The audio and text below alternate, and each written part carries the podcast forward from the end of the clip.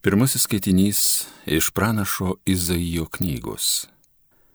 Galybių viešpat surenk šiame kalne visoms tautoms puotą su skaniausiais valgiais, puotą su rinktiniais vynais, pokylį su gardumynais ir grinais geriausiais vynais. Šiame kalne jis nukels tą šydą, kuris dengia visas giminės, tą nuometą, kuris gobia visas tautas. Jis visiems laikams sunaikins mirtį Viešpas Dievas nušuostys ašaras nuo visų veidų. Savo tautos gėdą jis pašalins visur žemėje. Tikrai tai įvyks, nes taip kalbėjo viešpats. Ta diena bus sakoma, štai šis yra mūsų Dievas. Mes juo pasitikėjome ir jis mus išgelbėjo. Šis yra viešpats, juo mes pasitikėjome. Džiūgaukime, linksminkimės, kad jis mus išganė viešpaties ranka ant šio kalno ilsėsis. Tai Dievo žodis.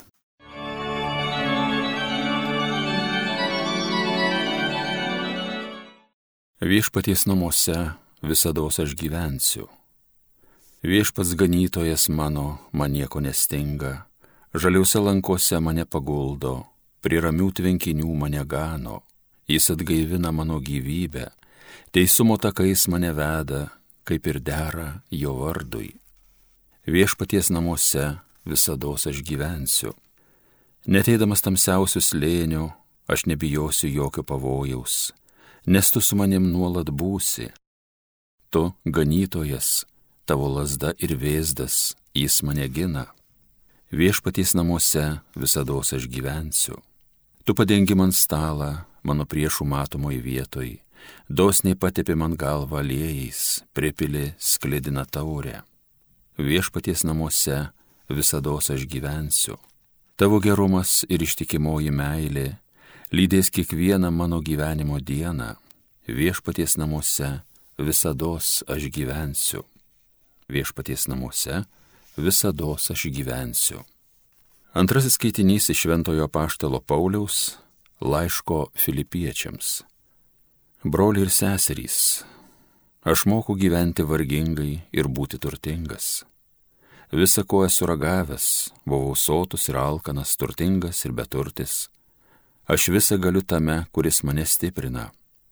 Vis dėlto, jūs gerai padarėte bendraudami su manim varge, o mano Dievas iš savo turtų gausos Kristuje Jėzuje šlovingai patenkins visas jūsų reikmes mūsų Dievui ir Tėvui šlovė per amžių amžius. Amen. Tai Dievo žodis.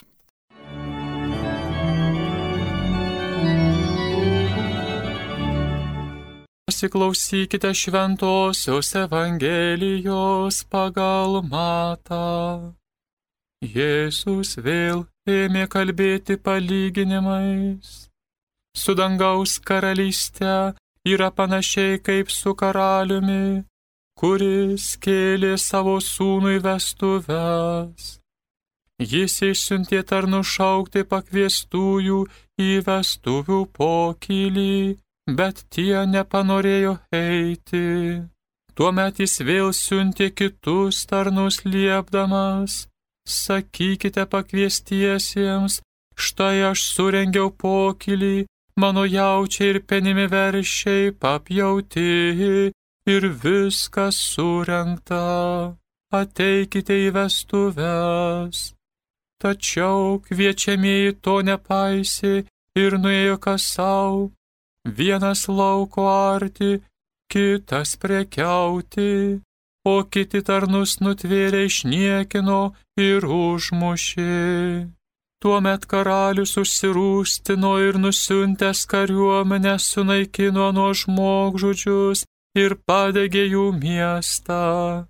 Galop jis tarė tarnams, vestuvės tiesa surenktos, bet pakviestieji nebuvo verti. Todėl eikite į kryškelės ir ką tik rasite, kvieskite į vestuves. Tie tarnai išėjo į kelius ir surinko visus, ką tik sutiko, blogus ir gerus. Vestuvių menė buvo pilna sėdinčių už stalo.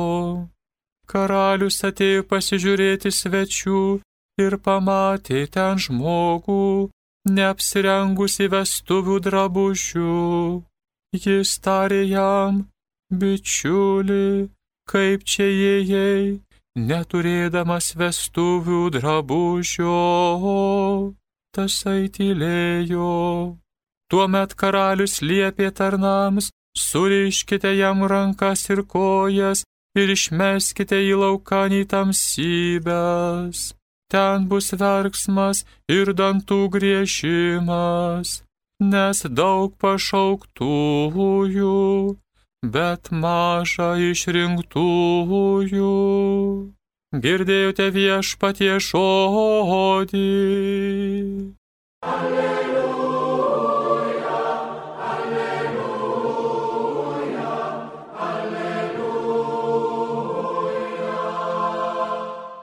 Mūsų viešpatis Jėzaus Kristaus tėvas te apšviečia mūsų širdies akis, kad pažintume, kokia yra viltis, į kurią esame pašaukti. Alleluja, alleluja, alleluja. Mėly Marijos radio klausytojai, Jėzus Kristus šiandien kvietimą į Dievo karalystę sulygina su kvietimu į vestuvės. Tai skamba ne tik Jėzaus mokyme, bet ir visame šventajame rašte. Daug žmonių visais laikais Dievo kvietimo nepaiso arba apie tai visai net negalvoja. Kaip dažnai psalmėse ir pranašų žodžiuose skamba dejonės, kad išrinktoji tauta pasiduoda stabams ir vis praranda ryšį su Dievu. Dabar, kai vyksta Vatikano susirinkimas, norisi aplankyti pirmųjų bažnyčios susirinkimų vietas, kur buvo toks gyvas tikėjimas, bet dabar ten tikėjimas užgesęs. 320 penktųjų metų Nikėjo susirinkime buvo priimtas tikėjimo išpažinimas, kurį vadiname iškilmingu. Jis yra ilgesnis už apaštalo tikybos išpažinimą mūsų kalbama poteriuose. Dabar buvusi Nikėja vadinasi Isnik. Ten nebėra nei vieno krikščionio. Tik oškos ganosi toje vietoje, kur buvo Konstantino didžiojo rūmai. Jisgi davė mūsų tikėjimui laisvę. Jis sušaukė Nikijos bažnytinį susirinkimą. Toliau Efezas. Taip pat griuvėsiai. Čia vis lankėsi šventasis apaštas Paulius, vis siuntė efeziečiams laiškus. Ten gyveno apaštalas evangelistas šventasis Jonas ir Marija. Efezas išaugo tada į didelį bažnyčios centrą. 250 tūkstančių tikinčių. 431 metais Efezo susirinkime prieš klaidatikį Nestorijų viskupai laimėjo. Tikintieji džiūgavo ir gatvėmis nešė viskupą Kirylą ir kitus susirinkimo viskupus. Nešė džiaugsmingoje procesijoje. O dabar čia tik vėjas milti pusto. 451 metai. Halcedono susirinkimo vieta. Dabar jos net neįmanoma rasti, ji nebežinoma. O Šiaurės Afrikoje, kur pamokslavo šventasis Augustinas, taip pat tik griuvėsiai. Bet baisiausia, baisiausia, kad atsisakius tikėjimo, atsisakius Dievo kvietimo ir gyvenimas virsta griuvėsiais. Juk nuodėmėse paskendusių Sodomos ir Gomoros iš viso nebeliko. Jūsų naikinimo ženklas negyvoja jūra, kurioje neįmanoma jokia gyvybė. O kokį baisų sunaikinimo tvaną iššaukė nuodėmė. Ir daug, daug kartų išrinktoji tauta laužė, vis laužė sandorą. Kol neklausydami pranašų įspėjimo, patyrė pralaimėjimus ir raudojo, o Dieve, į paveldą tavo pagonys atėjo, sumaitojo tavo šventovę, sugriovė Jeruzalės miestą. Jie buvo ištremti į Babiloną. Vietoj šventyklos liko tik grįvėsiai. Jeruzalėje tada neliko akmens ant akmens. Ir dėjavo, dėjavo tada tauta. Prie Babilonijos upių sėdėdami verkiam. Ant karklo šakų sukabintos mūsų nutylusios arfos. Mūsų tremėjai mums liepia giesmės gėdoti. O kaip mums gėdoti viešpaties giesmės svetimoje žemėje? Atgailavo tauta, tada labai atgailavo. Ir išgelbėjo juos Dievas, sugražino į šventąją žemę vėl atstatė šventyklą, į kurią po kelių šimtų metų įžengė Dievo sūnus, mūsų atpirkėjas. Bet ir tada atsitiko baisiausias dalykas. Vėl į jo kvietimą tauta nusispjovė ir šaukė. Tegu jo kraujas krinta ant mūsų ir ant mūsų vaikų. Ir išsipildė viešpatės įspėjimas šiandien nuskambėjęs Evangelijoje. Bus verksmas ir dantų grėžimas. Ir dabar, ir šimtmečius liejasi kraujas šventojoje žemėje. Ir šimtmečių šventoji tauta nebeturi savo šventyklos. Mėly Marijos radio klausytojai, ar netoks ir mūsų tautos likimas?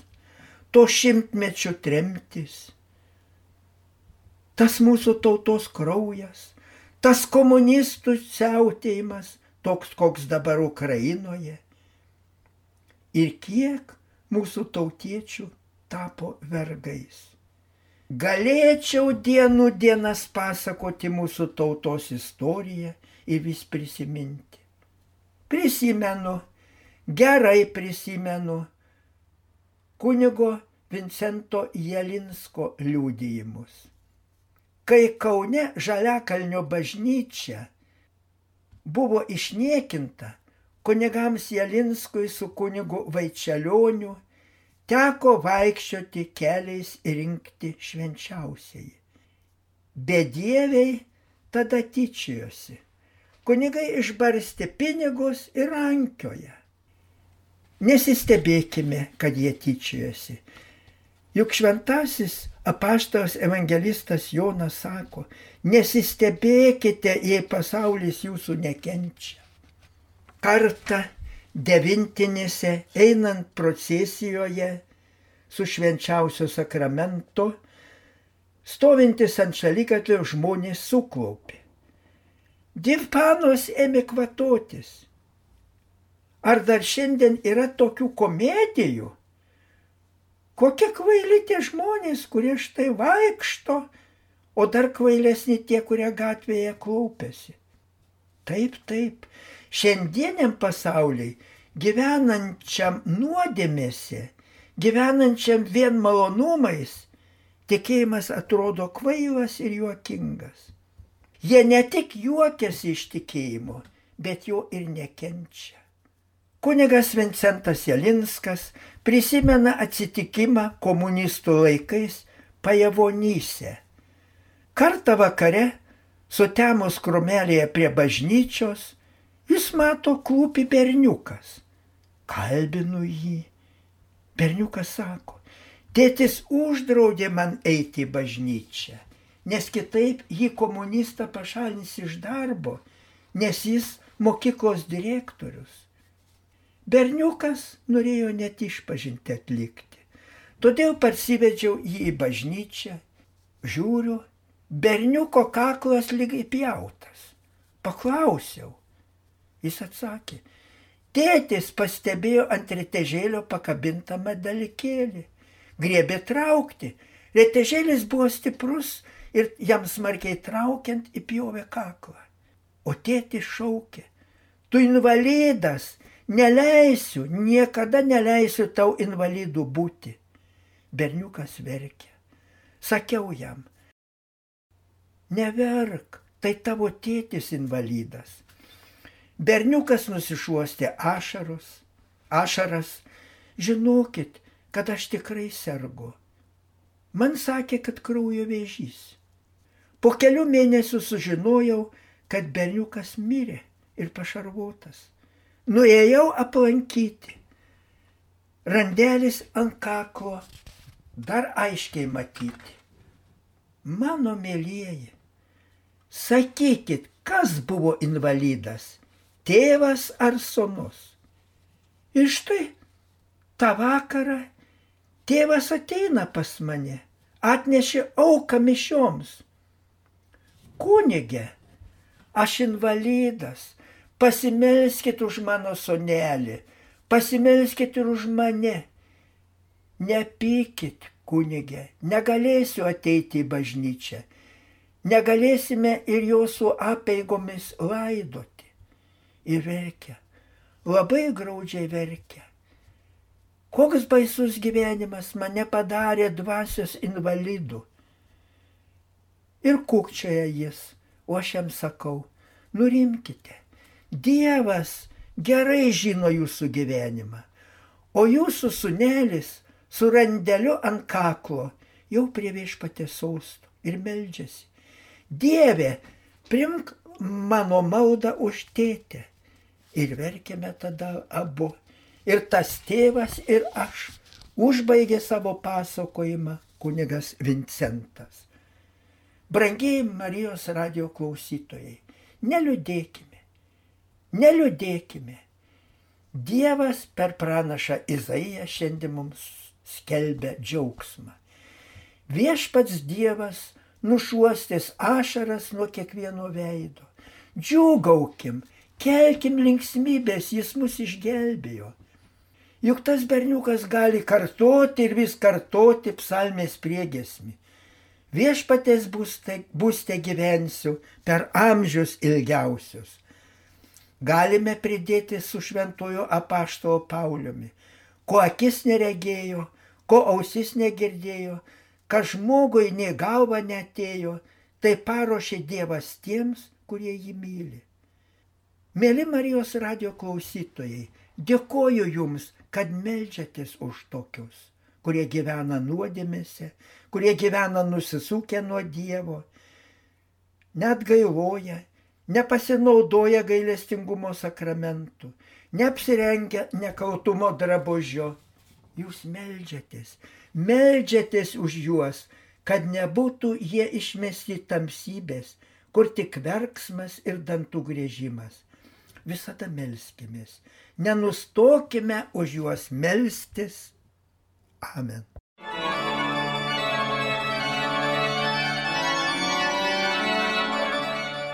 Evangeliją gėdojo kunigas daktaras Vilius Sikorskas. Homilyje sakė panevižio vyskupas emeritas Jonas Kauneckas.